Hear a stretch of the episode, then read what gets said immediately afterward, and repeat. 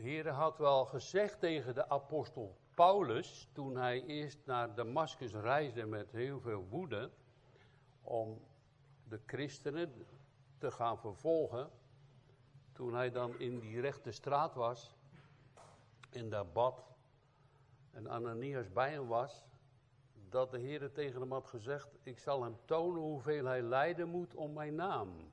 Nou, dat is wel gebeurd, want de apostel heeft het later ook wel in zijn brieven genoemd, hoeveel stokslagen en schipbreuk en stenigingen, geestelingen, gevangenissen hij ervaren heeft.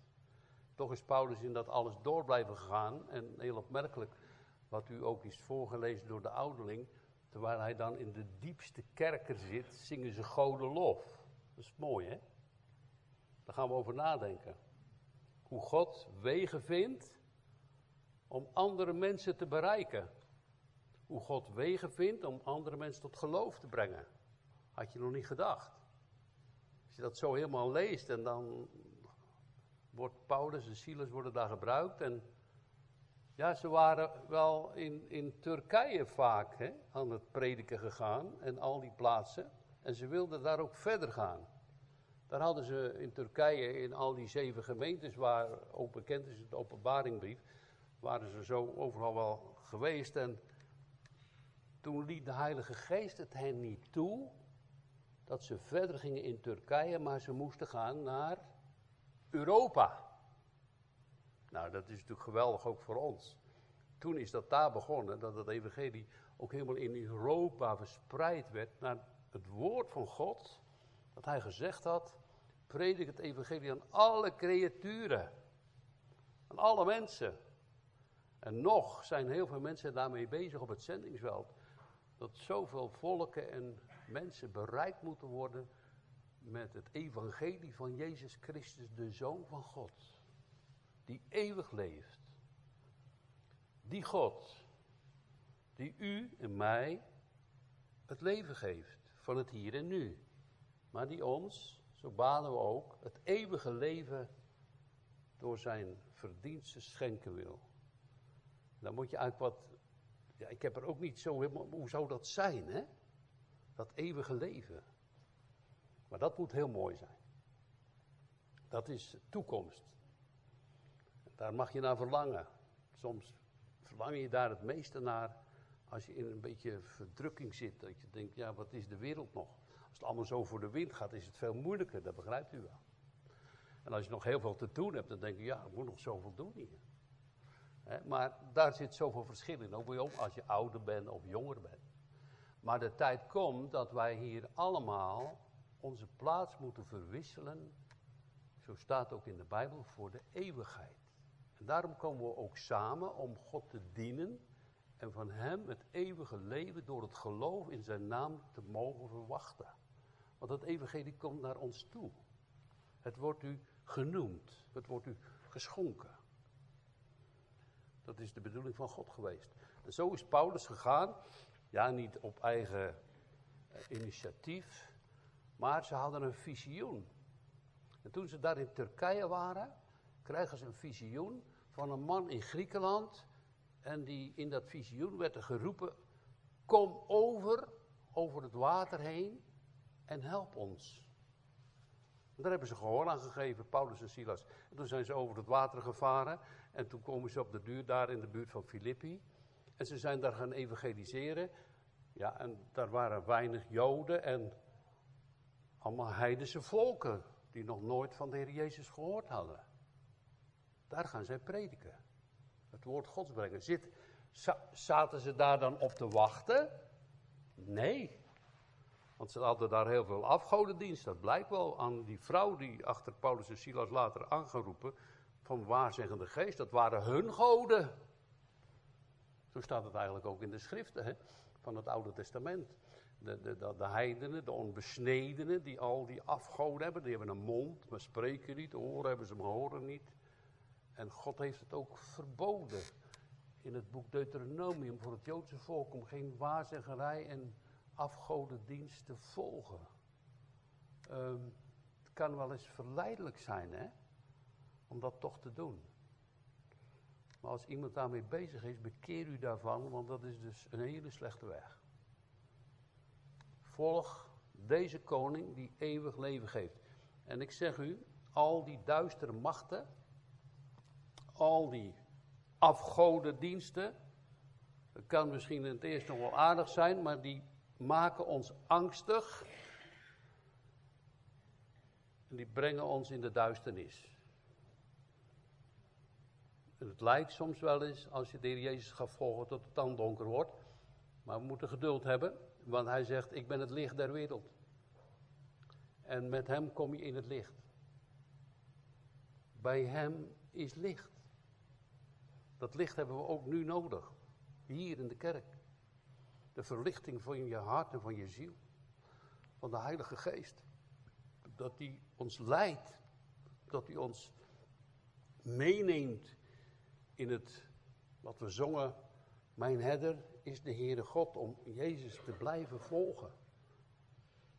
Het goed gerucht, het kwaad gerucht, wat ook maar.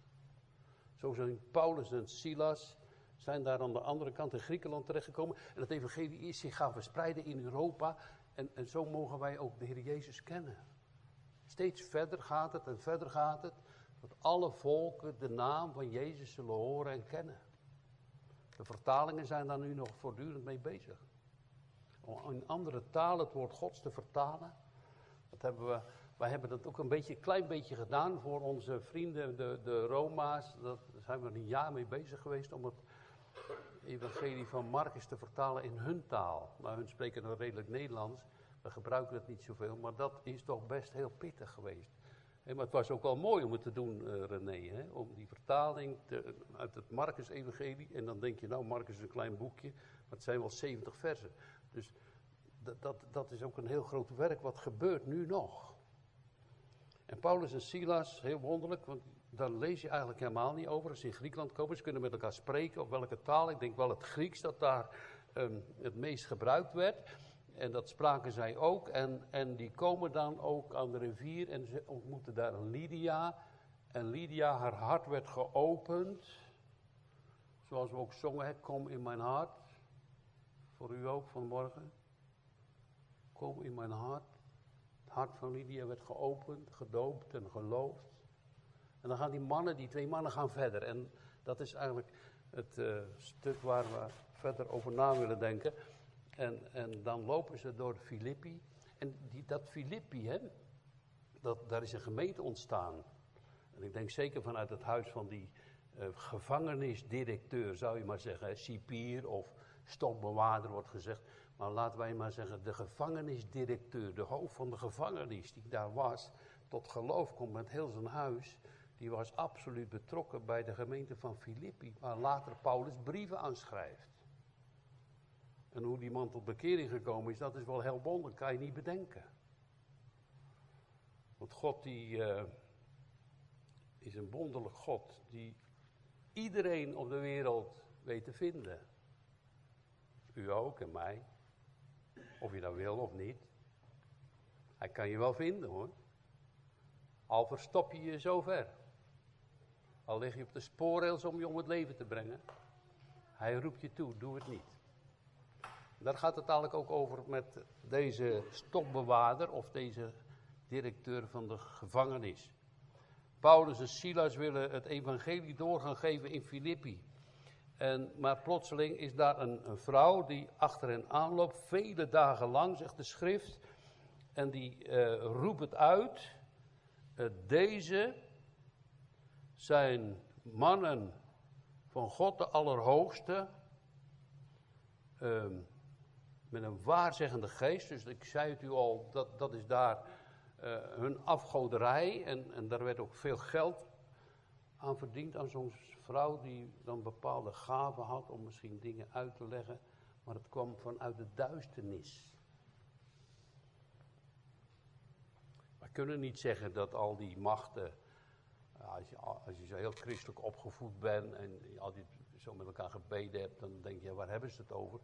Maar je kan op zulke plaatsen zoals hier en verder in de landen, Afrika-landen, kan je heel veel occulte dingen ervaren en meemaken.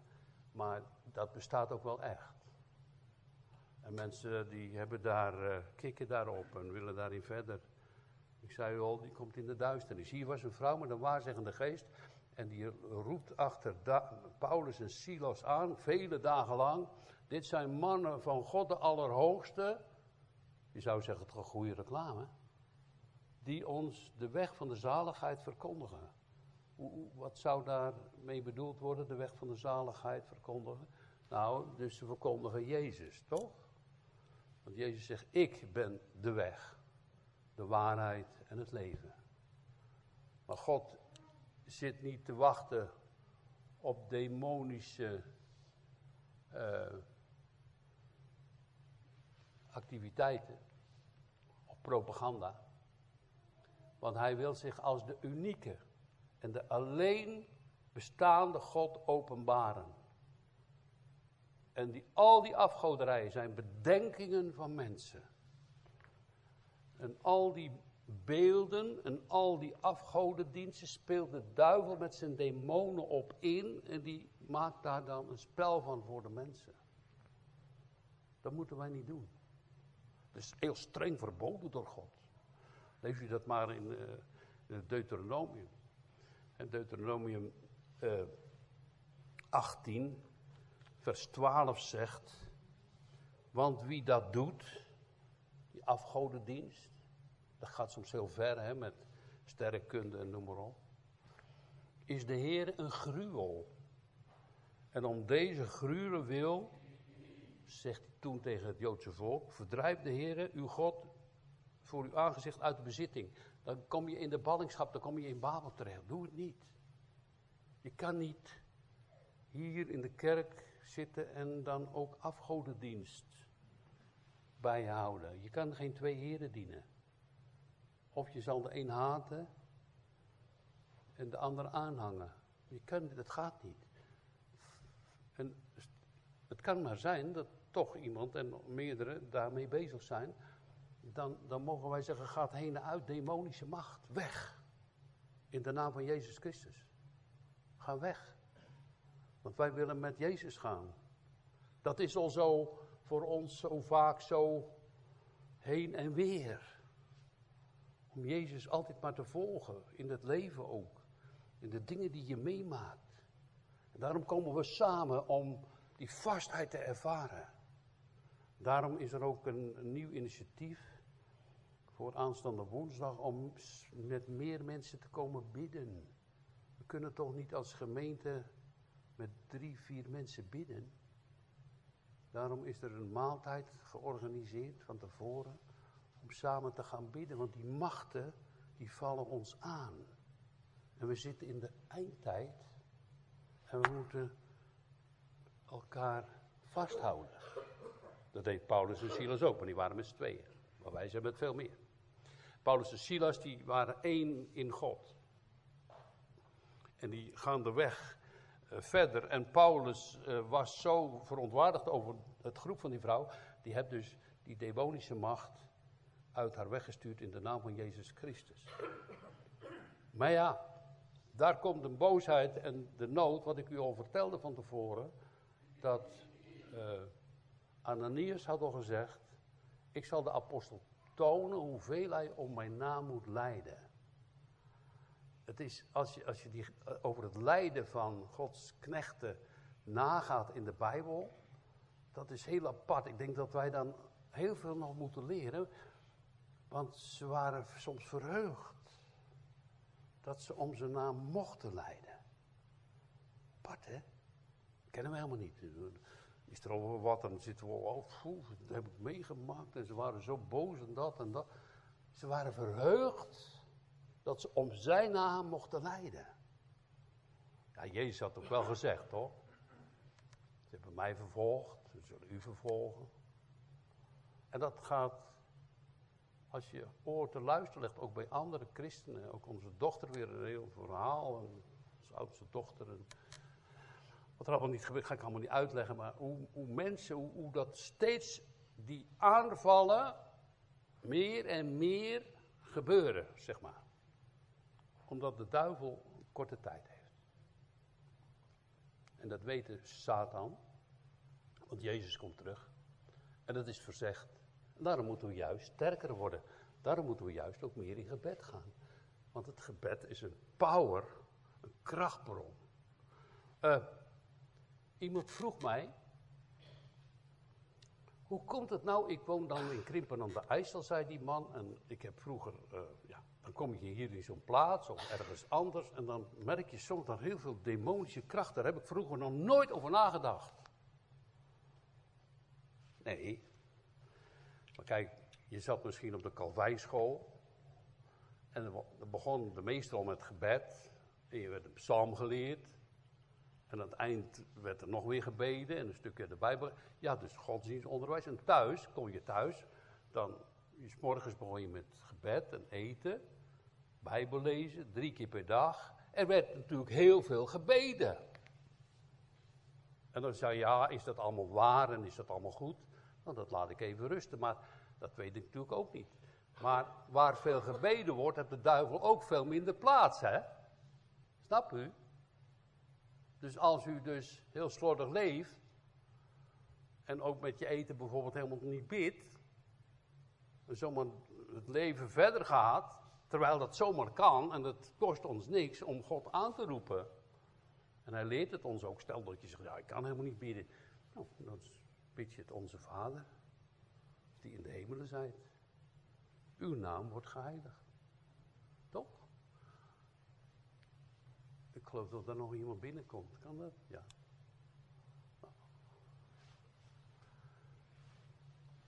Dus daarom uh, wil ik u uh, noemen om die gebedskring, zoals onze broeder dat altijd voorbereidt, toch uh, niet leeg te laten. Want het is echt nodig om verder te kunnen. Hè? Paulus en Silas, die hadden dus die boze geest in de naam van Jezus, die demon, een python genoemd, uitgeworpen.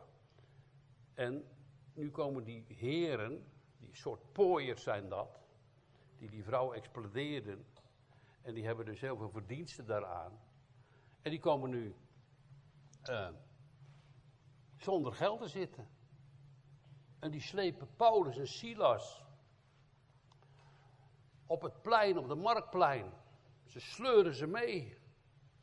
En dan komt die hele gemeente van Filippi komt samen en ze worden de kleren van hun lijf gerukt. En hier staat met stokslagen geslagen tot het bloed uit hun monden liep.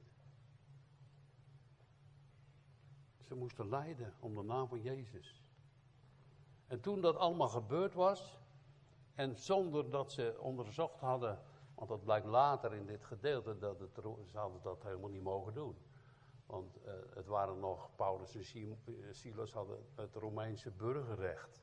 Dus ze mochten eigenlijk helemaal niet zo onveroordeeld zo aangepakt worden. Nou, ze hebben daar een gevangenis in Filippi en er is de gevangenisdirecteur en die werden ze aan overgeleverd. En die gevangenisdirecteur, nou, ik zal die monden van die mensen ook even stoppen, want dat hoeven wij niet. En die gooit hen in de diepste kerken. Dus die hadden verschillende verdiepingen. En daaronder in die kerken, daar liepen de rotten en dat vuil liep over. Dat, daar, lagen die twee broeders in, Paulus en Silas, knechten van de Allerhoogste God. En de duivel die zei, ja, nou, nou heb ik het voor elkaar. De monden zijn dicht. En dan staat er dat ze in de stok werden geworpen. Nou kijk, dat is eigenlijk zo. Dan heb je zo'n houten balk. En er zit een rond, uh, rond in. En dan komt er nog een houten balk overheen. En dan zit je vast, zo, met voeten. En dan kon er niet meer weg, op slot. Zaten ze daar met verwonde ruggen. Paulus en Silas, die het evangelie gingen verkondigen in Filippi. En inderdaad waren zij dienstknechten van de Allerhoogste God, die hen het evangelie verkondigen. En dat mag u ook doen, hè? Want uh, wat vindt u ervan? U hebt het toch meegelezen? Als er staat dat die directeur plotseling zalig wordt, naar de belofte van Paulus. Geloof, en uw huis. Hoe staan we erin? Met ons gezin en met onze kinderen en onze buren? Kom je niet tekort of soms schuchter of niet durven zeggen, hoe gaat het met mensen? Ja, je moet toch maar een beetje zelf weten. Hier niet, hier het hele huis werd zalig. Geweldig toch? Nou, dat gaat gebeuren, want Paulus en Silas, die dan in de gevangenis zijn, gaan goden lof zingen. En die boze gevangenisdirecteur, die doet er nog een schepje bovenop. Hij had misschien best wel op een andere etage Paulus en Silas gevangen kunnen zetten. Nee, onder in die kerker bij de rat en bij het vuil. Er liep alle drek en het vuil, daar lagen die mensen. Met verwonde ruggen. Ja. Waar zullen ze aan gedacht hebben? Misschien hebben ze wel, en dat uh, Paulus die kende dat uit zijn hoofd, hè? Psalm 22. En ook het lijden van Christus. Daar hebben ze zeker aan gedacht. Hoe hij geleden heeft. Het speeksel bij Jezus langs zijn gezicht liep. Kinnebakslagen gehad heeft. Het bloed van geestelslagen van de Romeinen op zijn rug. Hij de koning der koningen. De Heere der heren.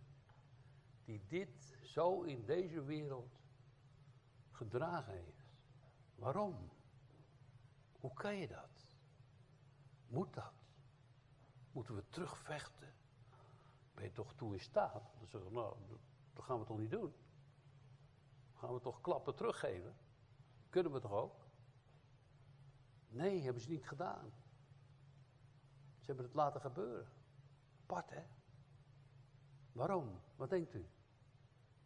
Ze geloofden, zoals Mozes zo mooi gezegd had. Dat hij zei, hij, hij kon dus een prins zijn bij de farao. Misschien dadelijk wel uh, farao zelf. Dat was een onderkoning. Mozes. In dat biezenmandje opgeraapt door die prinses en een kind daar aan het hof van farao geworden. En dan, en dan op de duur dan zegt hij, hij wil liever met het volk van God slecht of kwalijk behandeld te worden dan alle schatten van Egypte. Waarom? Hij keek dus verder. Hij zag de vergelding van het loon. Dat is, zijn dezelfde woorden voor Jezus. Jezus zag over alles heen. Jezus die was zo rijk, zo machtig, dat hij voor ons arm werd, zegt de Korinthebrief. Arm, geen steen in deze wereld die hij zelf gemaakt had, met zijn spreken. Arm als mens in onze plaats, zag op de toekomst, want hij is eeuwig koning. Alles moet onder hem buigen. De hele kosmos is van hem, alle sterren in de hemel. Hij noemt ze allebei namen. Zo, wat zal je zeggen van deze God en van deze koning? Die u kent, die u roept. Die God, die eeuwig leeft. Daar kan je niet zonder. Hij is, hij is de ik ben. De unieke. Geen waarzeggerij, geen weet ik wat van Python of welke afgoderij er ook maar was in Athene in die tijden. Maar de enige waarachtige God, die echt, als u het weet, gelooft en gezien hebt, echt kan helpen. Rust kan geven in je hart. Verlossing geeft. Die, zoals ook zongen, naar u luisteren wil en ook naar Vanessa luisteren wil. Als de rest niet naar jou wil luisteren, zingen wij, God heb ik lief, want die getrouwe Heer, die hoort mijn stem. Zo mag je met hem omgaan. Hij stuurt je niet weg. Hij hoort je. En hij hoorde Paulus en Silas ook, want die gaan in gebed. Dus ze roepen God aan. Klaagzang, hè, die twee. Oh God, wat heb je nou toch? Nee, lof gebeden. Nou, ik, ik denk ook u wel. Moet nog zoveel leren wat dat betreft. He? Om dat alles in zijn handen te geven. Jezus heeft het heel mooi gezegd toch? Wie zijn leven zou willen behouden. Hier, het hier en nu. Daar zijn we allemaal mee bezig. Hè? Je ziet heel wat donkere wolken aankomen in de wereld. Wie dat zou willen behouden, ja, je verliest het. Je zal het verliezen. Maar wie zijn leven zou willen verliezen, dus, dus dat opzij secundair, die zal het behouden. Het eeuwige leven van God. Daar, daar moeten we echt, daar heb je, weet je wat je daarvoor nodig hebt? Om dat beter en nog steeds beter, en nog meer, ik, ik zou er nog veel meer moet ik daarvan leren en zien. Daar heb je de Heilige Geest voor nodig. En het woord van God. Want dat is eeuwig en vast. Vorige week hebben we gezegd, hoe geweldig mooi. Je wordt oud. En je denkt, je moet sterven. Vorige week gezegd. Uw ziel zal hij bewaren. Nou, ik kan het niet hoor. Hij wel. Dus dan blaas je de laatste adem uit en je ziel blijft eeuwig. En, en wat gebeurt er dan? Pleit dan op dat woord. Uw ziel zal hij bewaren. Zo. Dat is wat. Want wat hij beloofde, doet hij toch? God is geen leugenaar. Hij is de waarachtige. Tegenover die afgoderij die van alles zeggen en toch niet doen. Dit is de waarheid van God. En zo zijn Paulus en Silas die bidden goden in de gevangenis terwijl de pijn op hun lichaam is. En ze gaan samen zingen. Ze gaan lofzangen zingen, staat er hier. Ze zingen lof en al die gevangenen hoorden het. Ze zongen lof naar God toe. Geprezen zij de grote koning die tot ons komt in zere naam. Ik weet niet welke lieder u zingt, maar uh, de vraag is... Door Ruil heb je een boekje Bidt u wel? Maar je kan ook wel eens zeggen, zingt u ook? Nou, dat kan je altijd doen. Ik doe het wel eens in de auto bijvoorbeeld. Je kan het op allerlei manieren doen. Of je zingt met elkaar. En ook mooi zo in de kerk hè, met elkaar te zingen. Eh, ik werd er een beetje blij van om die, die twee eerste liederen van, uit die gele bundel. Kom in mijn hart. En dan, mijn herder is de Heere God. Zo mooi hè. Zo te zingen en hem te kennen. En hem lief te hebben en hem te dienen. En, en, en, en dan alles eigenlijk zo hè. Dat je alles van hem nodig hebt. Mag dat? Ja. Dat wil hij ook. Dat je alles van hem nodig hebt. Alles. Dat is mooi als je dat doet hoor. Heb alles van u nodig. Ja, dat is toch wel veel. Zou de Heer Jezus zeggen. Zou je denken? Nee. Hij zegt, je hebt nog veel te weinig gevraagd. Als je meer vraagt, krijg je nog veel meer. Dat was met die koning toch ook. Die moest dan uh, stampen met een stok. Ik weet niet precies meer, moet ik het opzoeken. Maar uh, dan zouden die vijanden worden verslagen. Hij sloeg maar drie keer. Nou, als je meer had geslagen, dan had God al die. Nou, dat is eigenlijk ook precies hetzelfde als wij met drie, vier mensen bidden met de broeder. Maar we zouden veel meer winst kunnen maken als we met meerdere in gebed komen. Het is niet de bedoeling om het maar een uh, grote groep te maken, maar het is de bedoeling dat we winst maken in het koninkrijk van God. Dat is het. Ziet u? Ik, ik vind het toch een mooi plan om zo samen elkaar erbij te roepen. Woensdag. Van vijf, half zes eten, zes uur, gebedskring. En dan, als u dat wil, bijbelstudie. Kom dan. Want Jezus roept u. Ze zingen goden lof. Plotseling is daar dan een aardbeving. Het hele gebouw begint te schudden. Een grote aardbeving staat er. En dat is een wonderlijke aardbeving. Want uh, ja, dat zijn stokken met, met, met, met sloten dat al die deuren springen open. Staat helemaal niet dat het gebouw ingestort is. De deuren zijn opengesprongen. Al die boeien van al die gevangenen gingen los. Zo. En die konden dus allemaal vluchten. Maar dat gebeurde ook niet. En die gevangenisbewaarder, die gevangenisdirecteur, die wordt wakker. Die schrikt wakker van de aardbeving. Wat gebeurt? En die ziet al die deuren zijn open. En hij pakt een zwaard en wil zichzelf doden. Die gevangenisdirecteur wil zichzelf. Weet u waarom? Kijk, die gevangene, gevangenisdirecteur in die tijden. die stonden gerand met hun leven. om op die gevangenen te passen als het dan fout ging. en het ging fout in de gevangenis. ze waren ontvlucht, dan moest hij daarvoor betalen. Dan, dan kon hij zich beter zelf om het leven brengen als alle martelingen en de dood die hem voor ogen stond bij de Romeinen. Daarom stond hij zo met dat zwaard op zijn keel. Op de een of andere manier heeft de apostel Paulus dat gezien. Dat die man zo stond om zichzelf te doden. En Paulus roept heel hard naar hem in een luide stem: Doet u zelf geen kwaad. Want we zijn niet gevlucht, we zijn hier allemaal nog. Dus, dus, dus, dus, dus er is niks aan de hand. Je hoeft eigenlijk, die aardbeving, ja, dat kon je, heb jij ook niet geregeld. Dat heeft God gedaan. Maar weet je wat? Je hoeft eigenlijk niet voor de Romeinen verantwoording af te leggen. We zijn er gewoon nog. Hoe dat allemaal gegaan is, staat er niet. Of dat die anderen allemaal opgesloten zijn, weet ik niet. Dat staat er allemaal niet. Maar het gaat hier over die gevangenisdirecteur. Die dan zo zichzelf wilde doden. En ik zei u al, God heeft zoveel wonderlijke plannen om mensen tot geloof te brengen. Als je dat helemaal zo nagaat. Ze zijn geroepen naar Griekenland, kom in Filippi. Het hele verhaal met die waarzeggende vrouw. En dan nog zo verder dat ze dan geslagen werden en in de gevangenis terechtkomen. In de diepste kerker. Het vieze, stinkende gebeuren daaronderin. En, en dan dat God daar, en dat ze psalmen zingen en, en bidden. En God dan zo'n aardbeving geeft. Dat alles losgaat.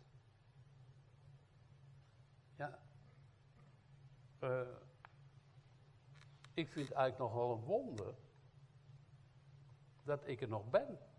Heb u dat niet? Er zijn zoveel gevaren in de wereld. Ik heb wel heel veel gevaarlijke dingen meegemaakt. Op het schip ook. En ook wel eens een pistool op mijn hoofd gehad. En ook wel eens een mes voor me gehad. Dat God me steeds bewaard. Apart, hè? Dat is met Paulus ook zo. Door al die slagen en verdrukkingen heen moest hij maar steeds verder met het evangelie. Hij werd niet gedood. En, en heel bijzonder dat dan die uh, gevangenisdirecteur, die eigenlijk toch Paulus en Silas helemaal slecht behandeld had, die begint te beven en te sidderen. En hij valt op zijn knieën voor Paulus en Silas neer, wat hij van dat evangelie gehoord had. Misschien ook van die vrouw, of dat staat er niet bij. Het kan zo, zomaar wel. Maar ik denk, God kan op allerlei manieren mensen tot geloof brengen. En, en, en eigenlijk, uh, hier zie je iets, dat de mens zonder God een leegte hebt. Een leegte die hij wel wil vervullen op de een of andere manier, maar die nooit vervuld wordt. Je mag, als je in Jezus gelooft, rust vinden in je hart. Een kind van God zijn. Mooi hè? En als je een kind van God bent, dan mag je tegen God de Vader Abba zeggen. Lieve Vader. Dat komt omdat Jezus wil. Door het geloof. Deze heidense directeur, die komt tot het geloof. Want hij roept het uit en beeft en siddert ja, wat is er gebeurd? Hoe kan dit? En, en heeft gezien, dit zijn inderdaad mannen van de Allerhoogste God die ons de weg van de zaligheid verkondigen. En dat mag Paulus nu ook echt doen. En, en je had gedacht, joh, wat moet dat daar zijn daar in, in dat Griekenland? En God die hebben een weg geopend. Filippi, de brieven leest van de Filippenzen. Ik denk zeker dat daar die gemeente gevormd is bij die gevangenisdirecteur in zijn huis. En zo verder dat was een gemeente die Paulus, die, dat was een wederzijdige liefdesband met die mensen. Geweldig was dat. Hij heeft heel veel brieven geschreven, maar de Filippenzen, die had hij uitermate lief. Die hebben ook veel voor hem gedaan. Hebben hem ook veel geld gegeven en geholpen. Terwijl hij ergens anders in de gevangenis weer zat. De Filippenzen. Ja, en, en hij, die, die, dus hier gebeurt het eigenlijk, hè, dat die, dat die gevangenisdirecteur op zijn knieën valt. Hier uh, uh, staat dat ze ook gegezeld waren, hè, in vers 37 bijvoorbeeld. Maar uh, hij valt op zijn knieën en hij roept iets uit dat je denkt, hey, zal hij dat nou wel begrepen hebben? Lieve heren, dus hij zegt oh, ja, lieve mannen of goede mannen of zo, hè. Wat moet ik doen omdat ik zalig word? Ja. Nou ja, wij weten dat er zijn twee, vanuit de Bijbel, twee mensen die in de baarmoeder van hun moeder, terwijl ze daar nog waren, gelovig zijn geworden. Dat was Johannes de Doper en Jeremia. Dat kind sprong op in de buik van zijn moeder, hè, toen hij Jezus zag. Toen Maria en Elisabeth elkaar ontmoetten. En van daaruit wordt dat zo geleerd en gezegd. Maar elk mens die geboren wordt, is van nature niet zalig. Dat moet je dus worden. En hoe? Uh, je zou kunnen zeggen bekeerd of omgekeerd naar God toe. Van nature ben je het niet. Wij hebben dat natuurlijk toch nooit, nog nooit geleerd. Dat het een vanzelfsprekendheid is om een kind van God te zijn. Ik wil dat ook niet leren. Dat is een groot wonder. Als je een kind van God bent, dan ben je de rijkste van heel de wereld. Dan heb je een toekomst van het eeuwige leven. Dan ben je een kind van God, die God die de hemel en de aarde gemaakt heeft, notabene. Hè? Die spreekt en het is een gebied en het staat er. Die God, daar ben jij dus een kind van. Zo, dat is niet niks. Daar mag je je wel over verwonderen. Danken. Daarom komen we ook samen, omdat als het voor u en voor mij moeilijk wordt, uh, dat, hoeft niet alleen voor u, maar het kan voor mij wel eens heel moeilijk worden, dat, dat, dat we met elkaar dan op dat fundament van Jezus Christus mogen, verder mogen gaan en blijven staan. Sta dan, hè, zegt de schrift in welke gij geroepen bent. Om daarop te blijven staan. Ja, daar dacht ik aan en ik zei tegen Anneke nog. Uh, zo 3 september hadden we, en ik, ik, moet jullie echt allemaal danken, jullie hebben echt zoveel gedaan. Ik zei het net al tegen broeder Tim, ja, die hebben iets moois geschreven, hè. Van, uh, ja, je bent wel eigenlijk een soort vader voor me. Ja, ik vond het wel heel veel eer. En jullie hebben zoveel lieve dingen gedaan en mooie, mooie dingen geschreven, die we eigenlijk nu nog steeds een beetje aan het lezen zijn en, en cadeaus gegeven en, en noem maar op. Hè. Dat, dat, dat, is geweldig. Maar toen hebben we toch ook gezegd dat ik met die tekst vanuit de Bijbel weggestuurd ben. Gij zult de kracht van de Heilige Geest ontvangen. En gij zult mijn getuige zijn. Hier Jeruzalem en dan over heel de wereld. Samaria, heel de wereld. Ik denk, ik heb dat, dat is niet van 25, dat is nu geparkeerd. Maar ik heb dat steeds weer opnieuw nodig, mensen. En ik hoop en ik bid ook dat u voor ons bidt, omdat de Heilige Geest bij ons is en dat het woord van God kracht doet in uw leven en hier in Ude en in de omgeving. Daar gaat het om. Ik heb het weer helemaal opnieuw nodig. En wij ook. Want je kan niet zomaar een dag mannen eten en een beetje verzamelen voor de hele week en denken nou, dan gaat het stinken. Je moet elke keer opnieuw manna nemen. Vergeet het niet. daar heb je elkaar voor nodig. Daar hebben de gebedskring voor nodig. Daar hebben de bijbelkring voor nodig. Zeg, ja, maar ik kan niet bidden. Nou, dat hoeft helemaal niet. Ik heb het u al eens meer verteld van die ene jongen. Hè? Nou, die ene jongen die komt bij zijn hele vrome tante. Gods, godsvruchtige vrouw. En dan gaat hij bij zijn tante eten. Nou, zijn tante gaat in gebed, ze leest een stukje uit de Bijbel. Ik geloof dat het in Engeland was. En toen zegt tante, uh, hoe die jongen heet weet ik helemaal niet. Laat die Albert heten, maakt me niet uit. Uh, tante zegt, jij gaat nu bidden. Ja tante, maar ik kan helemaal niet bidden. Dat doe ik niet ook. Jij gaat niet weg, jij moet bidden. Nou, weet je hoe het gebed was? O God, mijn tante wil dat ik bid en ik kan niet bidden. Amen. Tante zegt, het was een wagenbed. Je hebt precies gezegd hoe het was. God weet het. En als je zo tot hem komt, al heb je lege handen, hij gaat ze vervullen. Met zijn liefde. Met zijn genade. Zo kom ik ook hoor. Tot u met lege handen, Heer, geef de prediking voor deze mensen. Want ik heb het ook niet. Ik moet prediken het woord Gods. En hier dan die stokbewaarder. Ze hadden het zo ook niet in hun binnenzak. Maar ze wisten het wel wat ze moesten doen. En het kwam nu precies zo uit. Want terwijl die man dan bevende roept, hoe moet ik zalig worden? Dus gered worden. Niet alleen maar van de, de, de horizontale dingen, maar voor de eeuwige God. Roept Paulus, geloof in de Heer Jezus Christus. Dat is de Zoon van God. De Joden niet veel van moesten hebben in die tijd. En misschien nog, lang niet. En gij zult zalig worden, gij en heel uw huis. Zo, waar Paulus, waar haal je dat vandaan? Nou, daar mogen wij ook wel aan denken. Als je de Heer Jezus kent, hoe gaat het dan met je kinderen? Dat we bidden, dat je belang hebt, dat ze zalig worden. Hoe gaat dat? Hè? Hier is een gevangenis. Hier is een aardbeving. Hier zijn wonderen Gods. O God, help ons. Met en voor onze kinderen. U, u kent dat toch wel. Uh, ja, hoe stond dat er nou? Dat was ook zo'n soort verhaaltje, maar. Vandaag is de buurman gestorven. Mijn zoon belde ook op, de buurman gestorven, 64, plotseling hartstilstand.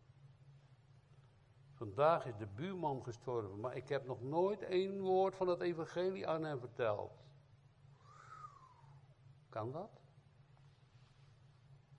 Ja, maar die moeten toch niks van weten. Nee, maar wie wel? Filippi zat er ook niet op te wachten. Maar ze gingen het verkondigen. Dus misschien wel niet zo makkelijk, maar als God het, dat ene woord van u zou willen zegenen, heb je winst in het koninkrijk van God. Toch? Ga eens nadenken. Hoe gaan wij? Wat doen we? Hoe bidden we? Geloof in de Heer. Daar moeten we nog even zo samen over nadenken. Wat, wat betekent dat, dat dan? Hè? Geloof in de Heer Jezus Christus. Nou, dat is in de eerste plaats Hem voor de waarachtige God houden. Dat is de bedoeling van het geloof. Ik geloof in Jezus Christus, als je dat zegt en als we dat zo met elkaar beleiden, dat we Hem voor de waarachtige God houden, waarvan Hij zelf zegt in zijn woord wie Hij is. De ik ben, de eeuwige, die mens werd. Dat. En dat Hij zijn woord geeft en zijn woord liegt niet. Dat zijn de beloften in de Bijbel waar wij heel veel mee mogen doen. En dan nog dat hij voor ons, want dat heeft Paulus en Silas zeker op die dag allemaal verteld van Jezus aan die mensen in, die, in dat gevangenishuis. En dan nog dat Jezus voor ons geleden heeft, gestorven is. Ook het graf geheiligd, begraven, nedergedaald, alles voor ons in orde voor de Vader. Je hoeft niks te doen, het is al klaar. En, en, en dan is, is daar toch een, een blijde situatie geworden in dat huis. Want uh, er wordt een maaltijd gemaakt. Uh, de, de streamen worden met, met, met, met pleisters of wat dan ook maar verzacht en, en, en verbonden. Van Paulus en Silas. En die twee, en dat hele huis trouwens, dat hele huis van die gevangenis, of die kinderen had, ouder of groter, staat er allemaal niet bij. Het hele huis, als die knecht had, het hele huis werd gedood. Er staat dat zijn hele huis zalig geworden is. Zo. En wij vragen allemaal heel veel eh, dingen. Dit moet eerst en dat moet eerst. En dat moet eerst. En geloof in Jezus Christus. En gij zult zalig worden. Uh, moeten we nog even over nadenken. Kijk. Hoezo dan? Iemand zou zeggen, ja maar ik, heb, eh, ik ben niet gerechtvaardigd. Ik ben niet, ik heb zonde. Hè? Ja, maar kijk, als je gelooft in Jezus Christus, heeft Paulus in de Romeinenbrief uitgelegd dat wij door het geloof in die naam, in Jezus Christus, gerechtvaardigd worden. Dat de schuld weg is de zonde op hem gelegd is van mij. Ook de zonde die ik nu nog doe. Dat is toch een wonder? Dan ben je rechtvaardig voor God. Die werpt onze zonde naar Psalm 103 in een zee van eeuwige vergetelheid. Hij zegt, zover het oosten is van het westen, zover doet hij om onze overtredingen van ons. Hij kan, God die heeft iets bijzonders wat wij helemaal niet kunnen. Hij denkt er niet meer aan. Nou, wij zitten maar voortdurend, oh ja, die man die heeft mij nog een keer pijn gedaan. Maar dat, kan, dat doet God niet. Misschien kan hij dat wel helemaal niet, ik weet het niet. Maar hij, hij werkt dat weg. En hij laat dus, als je tot God komt, altijd via Jezus de weg zijn. Opdat je God, de Vader, u alleen aanziet door zijn Zoon Christus. Die alles volbracht heeft en de heilige wet gehouden heeft. Zo mag je rechtvaardig zijn voor God in dat geloof. U voor mij. Mijn, mijn zusje is gestorven. Ik gaf haar ooit een, een gouden medaillonnetje. En daar stond op: ehm, hij, hij voor u en ik voor hem. Zo is het. De, het, het ruilen. Hij mijn zonde en ik zijn gerechtigheid. Ik gun het u van harte. Laat de afgoden los. Aanbid zijn naam. En, dat zijn echt mensen die dat heel mooi vinden, als u ook aanstaande woensdag meekomt om te bidden. Toch? En dan kunnen we ook eten samen. Zoals dat gebeurt in handelingen. U moet wel kunnen, maar ik heb u uitgenodigd. Omdat we zo samen sterker worden. Dat is nodig. In Jezus' naam. Amen.